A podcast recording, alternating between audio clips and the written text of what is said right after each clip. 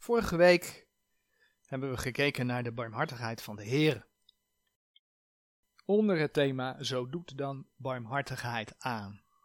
Vandaag deel 2.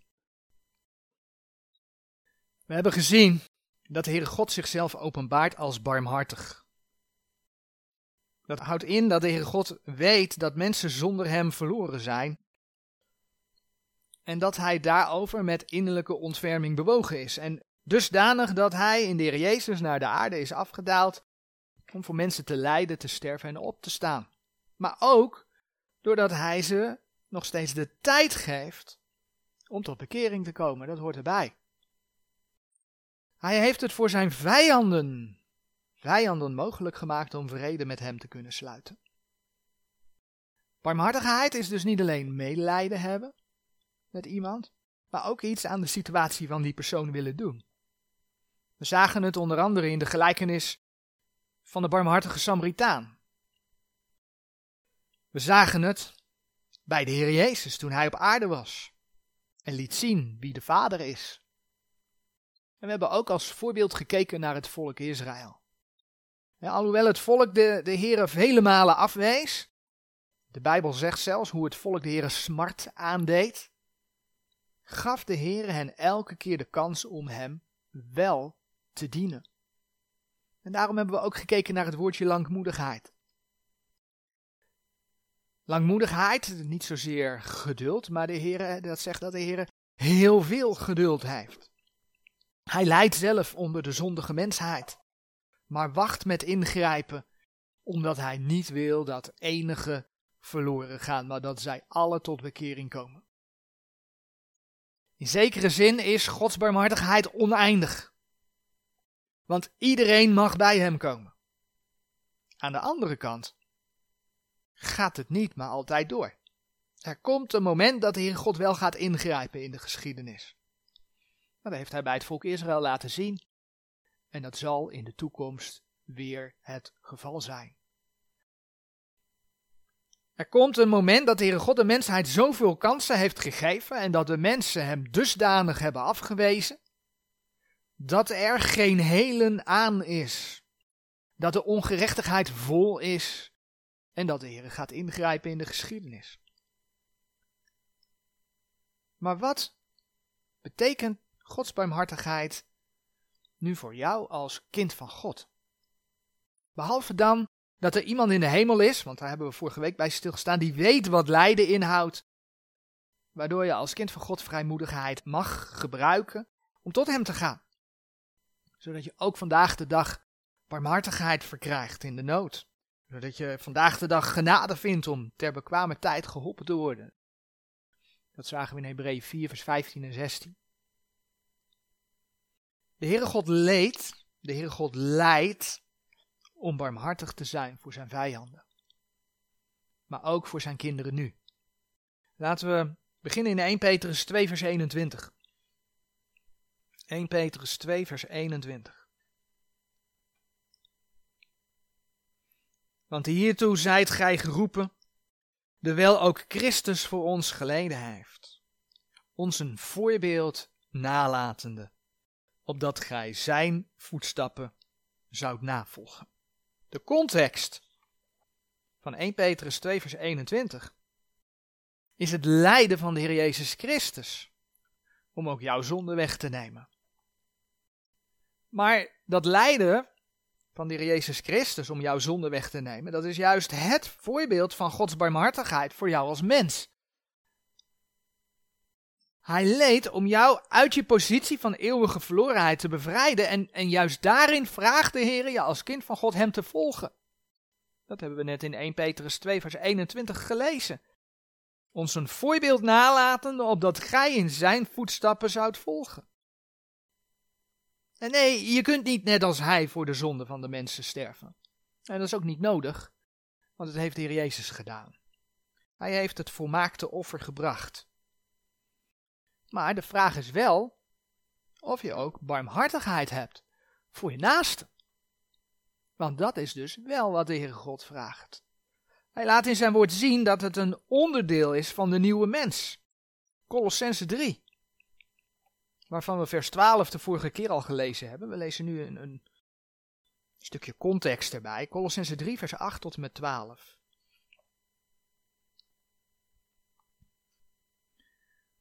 Barmhartigheid is een onderdeel van de nieuwe mens. Colossense 3, vers 8 tot en met 12. Maar nu legt ook gij dit alles af, namelijk gramschap, toornigheid, kwaadheid, lastering, spreken uit uw mond. Lieg niet tegen elkander, terwijl gij uitgedaan hebt de oude mens met zijn werken en aangedaan hebt de nieuwe mens, die vernieuwd wordt tot kennis, naar het evenbeeld desgene die hem geschapen heeft, waarin niet is Griek en Jood, besnijdenis en voorhuid, barbaar en skiet, dienstknecht en vrij, maar Christus is alles in allen.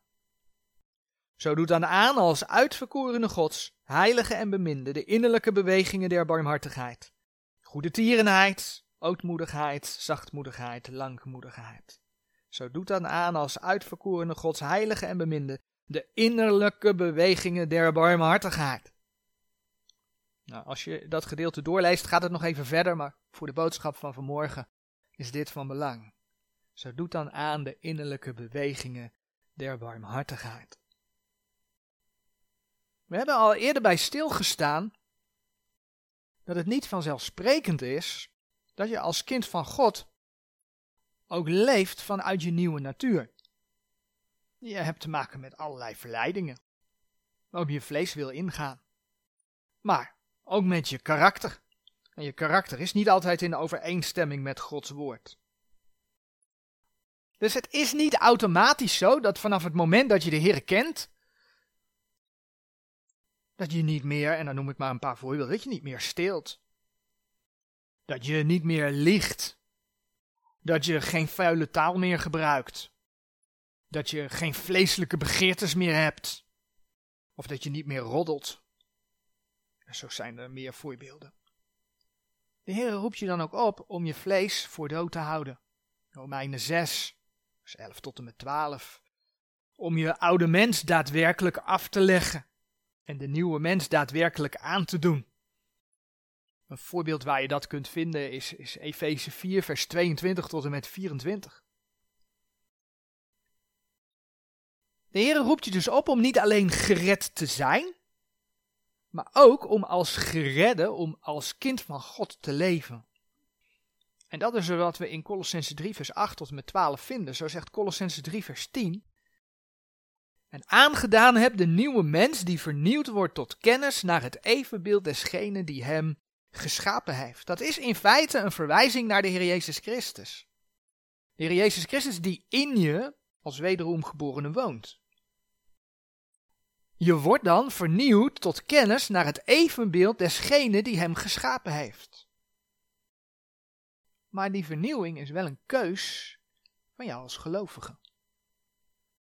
Als je kiest om naar je vlees te leven, ja, dan vernieuwt dat je niet. Als je kiest om de Here in je wandel te gehoorzamen, dan word je vernieuwd. Nou, een tekst waar we dat vinden, waar we wel vaker bij stil hebben gestaan, ook het eerste uur trouwens, in Romeinen 12. Heel duidelijk. Romeinen 12, vers 2. En wordt deze wereld niet gelijkvormig, maar wordt veranderd door de vernieuwing uws gemoeds, opdat gij moogt beproeven welke de goede en welbehagende en volmaakte wil van God is.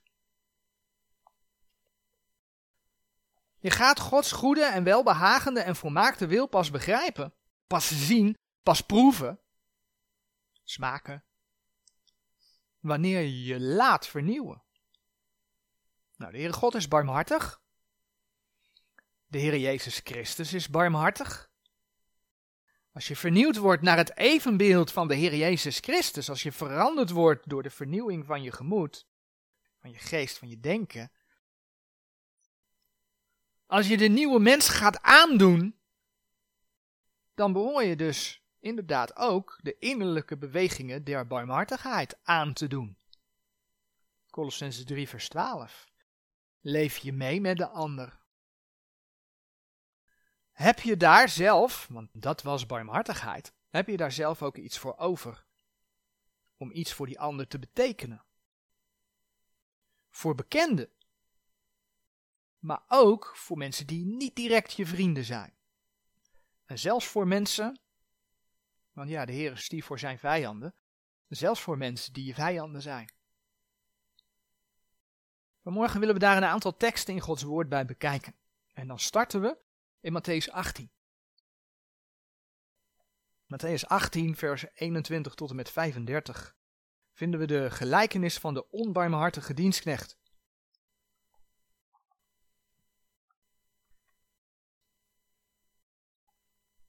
En over die dienstknecht, daar lezen we in Matthäus 18 dat hij de koning 10.000 talenten verschuldigd was. Dat lees je in vers 24. 10.000 talenten. En dan lees je in dat gedeelte dat de koning hem, zijn vrouw en zijn kinderen wilde verkopen.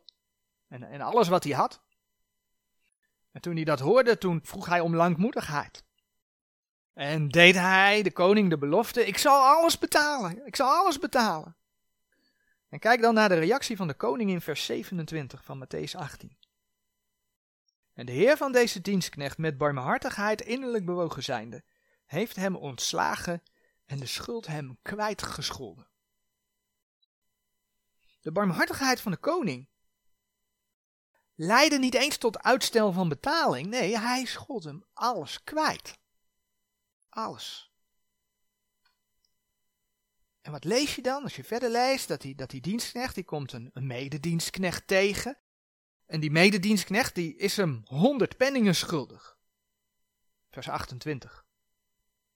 En ook die, die mededienstknecht vraagt dan om langmoedigheid. En ondanks alles wat hij zelf had gekregen, kon de onbarmhartige dienstknecht ja, geen langmoedigheid opbrengen. Hij kon het niet opbrengen. En liet de mededienstknecht in de gevangenis werpen, vers 30. Dan gaan we even een vergelijk maken. Dan moet je je voorstellen dat hij zelf, die dus zijn mededienstknecht in de gevangenis liet zetten, 10.000 talenten schuldig was. Eén talent staat voor 6000 penningen. Eén penning was in die tijd een dagloon van een arbeider. Doe dat 10.000 keer. Dan heb je het dus over 60 miljoen penningen. 60 miljoen daglonen van een arbeider. Dat was hem allemaal kwijtgescholden. Nou, deel 60 miljoen door 365. Al zou je elke dag van het jaar werken, een arbeider had die schuld nooit kunnen afbetalen in zijn leven. dat zei hij wel, ik zal u alles betalen. Had hij nooit kunnen betalen. Die mededienstknecht was er maar 100 penningen schuldig, 100 daglonen. Dat is nogal een verschil. 100 daglonen van een arbeider. En hij wilde niet langmoedig zijn. Toen dat de koning ter oren kwam, lezen we hetgeen we in Matthäus 18, vers 32 en 33 lezen. Matthäus 18, vers 32 en 33. Toen heeft hem zijn heer tot zich geroepen en zeide tot hem, gij boze dienstknecht. Al de schuld heb ik u kwijtgescholden, terwijl gij mij gebeden hebt. Behoort het gij ook niet u over uw mededienstknechten ontfermen, gelijk ik ook mij over u ontfermd heb? Nou, vaak worden deze teksten gebruikt om aan te tonen dat je als kind van God echt nog wel verloren kunt gaan. Kijk maar wat er bijvoorbeeld in Matthäus 18, vers 34 en 35 geschreven staat. Maar deze verzen kunnen niet gaan over de eeuwige verlorenheid. Want dan zou je de verlorenheid alsnog kunnen afbetalen. Dan zou je dus alsnog gered kunnen worden. En dat gaat niet op. Als je andere versen over de hel en de poel des vuurs bekijkt. Openbaring 20 vers 10 en 15 bijvoorbeeld. Daar komt bij dat deze versen in de eerste plaats niet aan de gemeente gericht zijn. Ze worden uitgesproken voor het kruis, voor het volbrachte werk van de Heer Jezus. Dus ze zijn in eerste plaats gericht aan Joden onder de wet. Tegelijkertijd, deze 18 vers 23, gaat deze gelijkenis over het Koninkrijk der Hemelen. En heeft daarmee profetisch een toepassing op het duizendjarige vrederijk. En heeft dus leerstellig gezien een toekomstige toepassing En daar in het komende koninkrijk moet die leerstellige toepassing dan dus ook gezocht worden. Maar, maar, dat alles maakt niet dat we hier geestelijk gezien geen toepassing voor de gemeente in zouden kunnen zien. En die is er wel degelijk. Want, als zondige mens, van nature een vijand van God, was je schuld ten opzichte van de Heer God torenhoog. Die kon je zelf nooit afbetalen. die 60 miljoen daglonen van een arbeider, die de onbarmhartige dienstknecht schuldig was, die was niet af te betalen. Nou, zo is het ook met jouw schuld ten opzichte van de Heer God. Toch was de koning met barmhartigheid innerlijk bewogen, schot hem alles kwijt. Dat is wat de Heer Jezus voor jou gedaan heeft, uit barmhartigheid. Daar hebben we de vorige keer bij stilgestaan. En dan ga je over nadenken. Wat heeft de Heer mij allemaal vergeven? En wat vergeeft Hij mij nog? Iedere keer als ik weer bij hem kom, Heer God, ik heb gefaald. Ik heb gezondigd tegen u. Wilt u mij vergeven? Wilt u mij reinigen en heiligen? En weet je, dat is zoveel wat hij vergeven heeft. Dat is vaak zo'n contrast met wat je ja, als broeders en zusters elkaar schuldig bent. In vergelijking daarmee gaat het vaak om kleine dingen. En weet je, al zou het een keer wat groot zijn, dan nog, bedenk dat de Heer jou als kind van God van een vijand tot een kind van God gemaakt heeft. Dat heeft Hij voor jou gedaan. Daar heeft Hij voor geleden. En ja, natuurlijk gebeuren er onderling wel eens dingen. Ook in gemeentes. Maar zou jij dan niet in zijn voetstappen gaan? Barmhartig zijn, medelijden hebben om een broeder of zuster te vergeven? Ja, dat kan best lastig zijn. Maar dat is wel wat de Heer vraagt. En eigenlijk is dat ook wat er bijvoorbeeld in Efeze 4, vers 32 geschreven staat. Efeze 4, vers 32.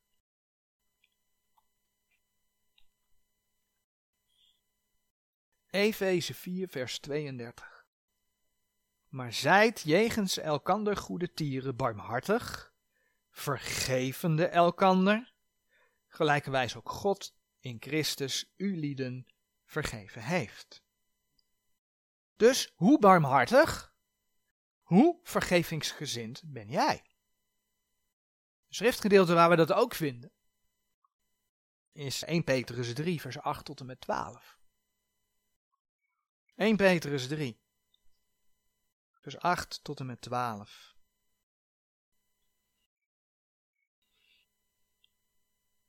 En eindelijk, zijt alle eensgezind, medelijdend, de broeders liefhebbende, met innerlijke barmhartigheid bewogen, vriendelijk. Vergeld niet kwaad voor kwaad of schelde voor schelde, maar zegent daarentegen, wetende dat gij daartoe geroepen zijt, opdat gij zegening zoudt beërven. Want wie het leven wil liefhebben en goede dagen zien, die stillen zijn tong van het kwaad en zijn lippen, dat zij geen bedrog spreken. Die wijken af van het kwade en doen het goede, die zoeken vrede en jagen dezelfde na. Want de ogen des Heren zijn over de rechtvaardigen en zijn oren tot hun gebed. Maar het aangezicht des Heren is tegen degene die kwaad doen. Dit gedeelte gaat dus eigenlijk nog een stukje verder. Het zegt namelijk niet zozeer vergeeft elkander, wat dus zeker ook de bedoeling is. Efeze 4 vers 32. We moeten elkaar vergeven.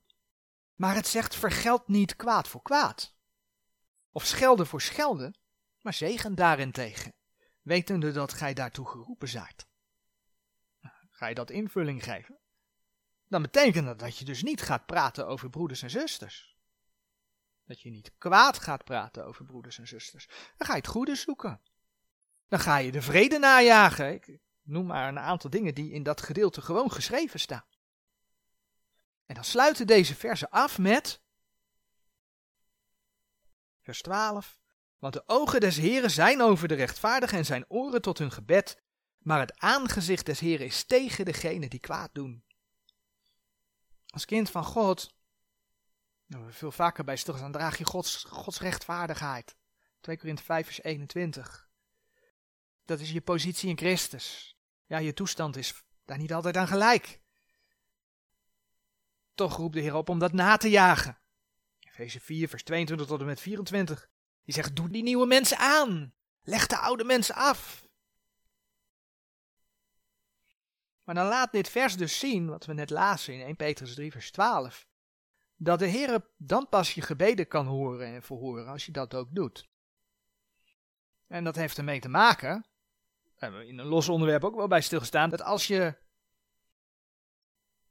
zondigt, dat er dingen tussen jou en de Heer in komen te staan. En hoe meer je naar het vlees wandelt, en niet naar de vernieuwing van je gemoed, Romeinen 12 vers 2, hoe meer er dus tussen jou en de Heer in komt te staan. Je relatie met je hemelse vader is dan dus niet in orde. En Johannes 1 vers 8 en 10. En dan laat dit vers dus zien dat de Heer dan ook niet meer naar je kan luisteren, als je tot hem bidt. En weet je, als kind van God ben je vergeven. Ja, dat klopt. Je bent vergeven in die zin dat je ziel behouden is. Maar ja, 2 Korinthe 5 vers 10 zegt toch echt dat je voor de rechterstoel van Christus komt en dat je daar wegdraagt wat je met je lichaam gedaan hebt. Het zij goed, het zij kwaad. En kijk dan wat het zij goed, het zij kwaad. 1 Petrus 3 vers 12. Want de ogen des Heren zijn over de rechtvaardigen en zijn oren tot hun gebed. Maar het aangezicht des Heren is tegen degene die kwaad doen. Ja, dat staat er toch maar wel. Het aangezicht des Heren is tegen degene die kwaad doen. Dus als jij wat weg te dragen hebt voor de rechterstoel van Christus, omdat je kwaad doet, dan kan God je gebeden niet verhoren. Dat is alleen maar op te lossen door je zonde te beleiden. Want dan doet hij die ongerechtigheid weg. 1 Johannes 1 vers 9. Dan is je relatie met je hemelse vader in orde. Dan hoef je dat niet meer weg te dragen voor de rechterstoel van Christus. Dat alles staat in de context van het medelijden hebben. Het met innerlijke barmhartigheid bewogen zijn. Het niet kwaad voor kwaad vergelden, het zegenen. Het geen bedrog spreken, het goede doen. Het vrede zoeken en najagen. Zie hoe belangrijk dit alles is om ook zelf een goede relatie met de Heer te hebben. Zie hoe belangrijk dit alles is om een goed gebedsleven te kunnen hebben. Laten we naar 1 Johannes 3 bladeren. Een paar bladzijden verder. Als gemeente van Jezus Christus ben je broeders en zusters van elkaar. Je bent allemaal deel van Gods familie. In 1 Johannes 3, vers 16 en 17 lezen we dan: Hieraan hebben wij de liefde gekend, dat Hij zijn leven voor ons gesteld heeft, en wij zijn schuldig voor de broeders het leven te stellen. Ja, ja, Hieraan hebben wij de liefde gekend, dat Hij zijn leven voor ons gesteld heeft. Dat is eigenlijk het voorbeeld volgen wat we al eerder zagen. Hè? Vervolg van dat vers. En wij zijn schuldig voor de broeders het leven te stellen. Zo wie nu het goed der wereld heeft, en ziet zijn broeder gebrek hebben, en sluit zijn hart toe voor hem, hoe blijft de liefde Gods in hem? Laten we vers 18 er ook nog even bij lezen. Mijn kinderkens, Laat ons niet lief hebben met het woord, noch met de tong, maar met de daad en waarheid. En ja, ik weet hè, dat er in 1 Johannes 3 versen zijn. Komt hij weer. Die leerstellig inhoud hebben voor de grote verdrukking. Kijk maar in vers 7. Daar hebben we in het verleden uitgebreid bij stilgestaan. Vers 7 van 1 Johannes 3. Maar zouden de versen die we zojuist gelezen hebben daardoor geen betrekking hebben op de gemeente? Zouden die versen geen toepassing op jou hebben? Ja, echt wel. Kijk maar wat de Heer in 1 Korinthe 12 vers 26 zegt. 1 Korinthe 12 vers 26, brief aan de gemeente. We houden het tegen de brieven van Paulus aan. 1 Korinthe 12 vers 26. Dan zegt de Heer, en het zij dat één lid leidt, zo leiden al de leden mede. Het zij dat één lid verheerlijkt wordt, zo verblijden zich al de leden mede. Bladeren we door naar Efeze 5, vers 1 en 2. Zij dan na volgens God als geliefde kinderen en wandelt in de liefde, gelijke wij zo Christus ons lief gehad heeft. En zichzelf voor ons heeft overgegeven tot een offerande en een slachtoffer tot een welriekende reuk. En wandelt in de liefde, gelijkerwijs ook Christus ons lief gehad heeft. De Heer roept je op om het over te hebben voor je broeders en zusters. Sterker nog, hij roept je op om zelfs je leven voor je broeders en zusters te stellen. En dat is de barmhartigheid die de Heer zelf gegeven heeft. Dat is dus ook de barmhartigheid die Hij van jou als kind van God vraagt. Niet alleen met de mond beleiden, maar ook daadwerkelijk in de praktijk brengen. Het gaat dan nog weer verder.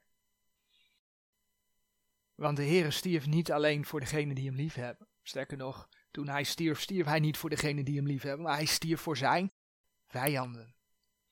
Dus dat geldt ook naar buiten toe. Dat geldt naar buiten toe. Kijk maar in Romeinen 12, vers 20 en 21. En ik zeg dat geldt naar buiten toe. Ik zal het even nog iets duidelijker zeggen. Dat geldt naar de wereld toe. Romeinen 12, vers 20 en 21. Indien dan uw vijand hongert, heb je het hè, vijand. Indien dan uw vijand hongert, zo spijzig hem. Indien hem dorst, zo geef hem te drinken, want dat doende zult gij kolenvuurs op zijn hoofd hopen. Word van het kwade niet overwonnen, maar overwin het kwade door het goede. Als mens hebben we vaak de neiging, hij of zij heeft mij dit aangedaan en nu ga ik. Maar de Heere zegt, word van het kwade niet overwonnen, maar overwin het kwade door het goede. Dat is tegengesteld als wat wij mensen vaak doen. Je kunt daar ook spreuken 25 vers 21 en 22 bij opzoeken. Het heeft allemaal te maken met een stukje getuigenis. Door iemand het goede voor te houden, ja, krijgt hij een kans om erover na te denken. Krijgt hij zelfs de kans, gelegenheid om tot bekering te komen. Want ja, wees wel, de Heer Jezus stierf voor zijn vijanden. Marcus 6, vers 31. Daar lees je ook nog een mooie toepassing die hier ook wel mee te maken heeft. Want hoe ver ga je in de dienst van de Heer? Hoe ver ga je in de dienst van de Heer? In Marcus 6, vers 31, daar lees je dat de discipelen moe waren en rust en eten nodig hadden. En toch is dat de context van de wonderbare spijziging, van de eerste wonderbare spijziging. Ondanks dat ze moe waren en dat ze eigenlijk eh, ja, zich terugtrokken, zich afzonderden, bleven de scharen de Heer Jezus volgen. En dan lees je dat ondanks die vermoeidheid van de discipelen, de Heer Jezus met ontferming bewogen werd en dat hij de discipelen, die grote scharen, ging laten voeden. Marcus 6, vers 34 tot met 41 daar zit in verweven. En dat heeft dus met barmhartigheid te maken. Dat dienen, dat mag je iets kosten. Dat willen mensen vaak niet. Maar dat is de realiteit. Zodra je gaat dienen, dan gaat het je iets kosten. En als het je iets niet kost, ben je waarschijnlijk voor jezelf bezig. Dus ja, we moeten naar buiten toe, maar het geldt des te meer voor je broeders en zusters. Dat blijkt uit Galaten 6 vers 10. Galaten 6 vers 10. Dat vers dat zegt, zo dan terwijl wij tijd hebben, laat ons goed doen. Laat ons goed doen aan allen, maar meest aan de huisgenoten des geloofs. Meest aan de huisgenoten des geloofs. Broeders en zusters. Die tekst gaat dus over goed doen. Maar dat geldt dus ook voor de barmhartigheid. Barmhartigheid is ook goed doen. Denk aan, aan wat we in 1 Petrus 3 vers 8 tot met 12 gelezen hebben. En hoe mooi is het als we het zien in de gemeente, dat als een broeder of zuster hulp nodig heeft, dat er zijn die hem of haar kunnen helpen.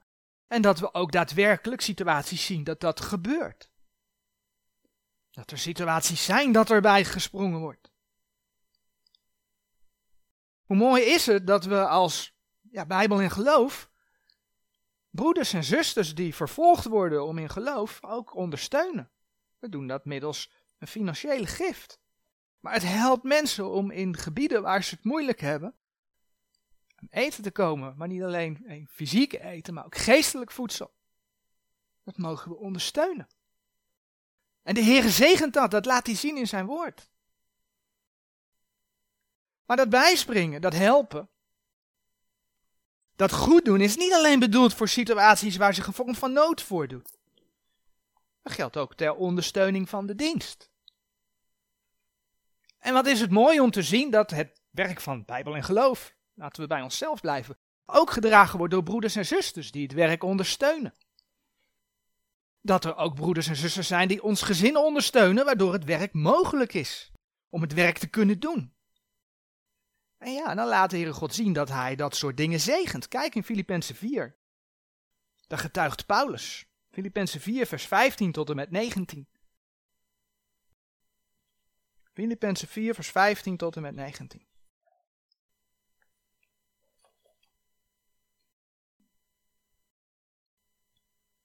En ook gij, Filippenzen, weet dat in het begin des evangelies, toen ik van Macedonië vertrokken ben, geen gemeente mij iets medegedeeld heeft tot rekening van uitgaven en ontvangst dan gij alleen. Want ook in Thessalonica hebt gij mij eenmaal en andermaal gezonden tot nooddruft. Niet dat ik de gave zoek, maar ik zoek de vrucht die overvloedig is tot uw rekening. Maar ik heb alles ontvangen. En ik heb overvloed. Ik ben vervuld geworden, als ik van Epaphroditus ontvangen heb, wat van u gezonden was.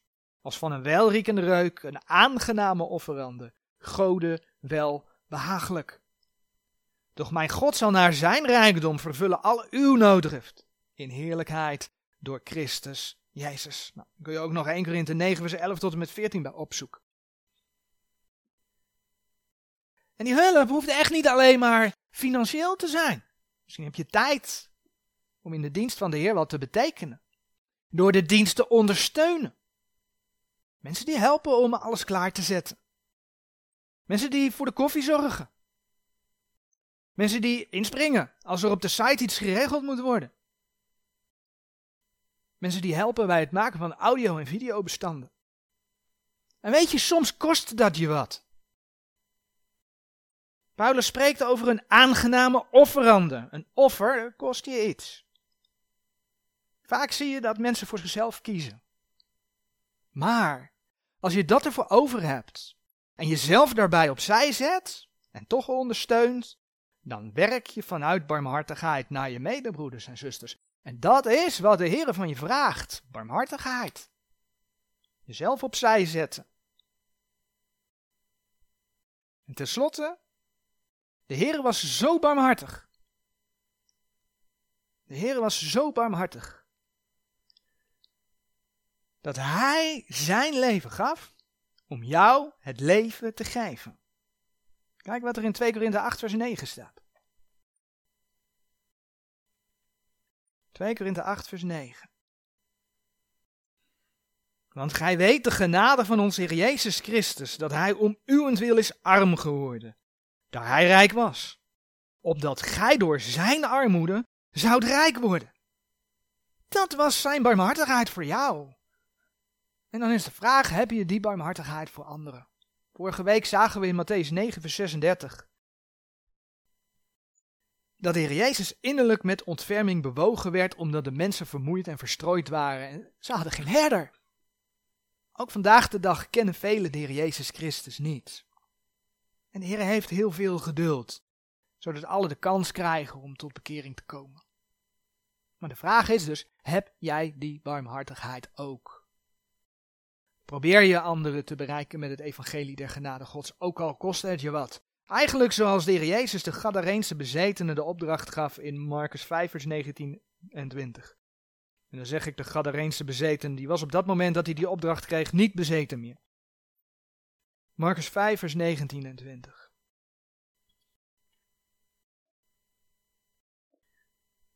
Hij wilde zo graag bij de Heer Jezus blijven. En wat lees je dan in vers 19? Doch Jezus liet hem dat niet toe, maar zeide tot hem, ga heen naar uw huis, tot de uwe, en boodschap hun wat grote dingen de Heer u gedaan heeft, en hoe hij zich uwer ontfermd heeft. En hij ging heen en begon te verkondigen in het land van Decapolis, wat grote dingen hem Jezus gedaan had, en zij verwonderden zich allen. De Heer zegt met Colossense 3 vers 12, zo doet dan aan als uitverkorene Gods, heilige en beminde de innerlijke bewegingen der barmhartigheid. Hoe sta jij daarin? Denk maar aan de gelijkenis van de onbarmhartige dienstknecht. De koning had door met innerlijke barmhartigheid bewogen te zijn, ja, een schuld kwijtgescholden. Die 60 miljoen daglonen van een arbeider bedroeg. Menselijkerwijs had hij dat nooit kunnen voldoen. Maar de koning schold het hem kwijt. Zo schold de Heer Jezus jouw grote schuld ten opzichte van de Heer God kwijt. En redde je van de eeuwige verlorenheid. Wat doet dat met jou? Heb je de innerlijke bewegingen der barmhartigheid aangetrokken? Vergeef je je broeder en zuster als er iets aan de hand is? Jaag je vanuit de barmhartigheid het goede en de vrede na? Voor je broeders en zusters. Zie je om naar mensen in nood in de wereld, maar zeker ook in de gemeente. Heb je er wat voor over om de dienst van de Heer te ondersteunen of in de dienst van de Heer te helpen? Om de gemeente te helpen. Heb je die barmhartigheid die de Heer voor zijn vijanden had, ook voor andere mensen, ook voor jouw vijanden? Heb je er wat voor over om anderen met het evangelie te bereiken? En weet je, eerlijk is eerlijk, als mens schiet je gauw tekort. Want die barmhartigheid aan de dag leggen die de Heer Jezus had door zijn leven te geven, een volmaakte barmhartigheid, dat is best lastig voor ons mensen. Als mens ben je vaak zwak. En laten we eerlijk zijn, als, als mens schiet je toch weer in het naleven van het fijne leven voor jezelf. Zonder dat het je iets mag kosten. Als je dat beseft, dan ben je heel ver. Want weet je, als je dat beseft kun je het beleiden. Kun je het bij de Heer brengen. Kun je hem danken voor de barmhartigheid die hij voor jou heeft. Gehad en nog steeds heeft. Kun je hem danken voor zijn langmoedigheid. Met jou. Je mag hem vragen om je daar ook bewust van te maken. Dat je realiseert. En denk maar aan dat voorbeeld van die onbarmhartige dienstknecht. Met 60 miljoen daglonen van een arbeider. Denk daar maar aan. En dat de Heer alles kwijtgescholden heeft. Dus je mag hem vragen om je daar bewust van te maken. Je mag hem vragen om je te vormen naar zijn beeld. Je mag hem vragen om wat van zijn barmhartigheid in je te geven voor anderen. In je hart. Je mag hem vragen om je te helpen de innerlijke bewegingen der barmhartigheid aan te doen en daar daadwerkelijk naar te leven. Zodat je Hem een aangename offerande mag brengen. Amen.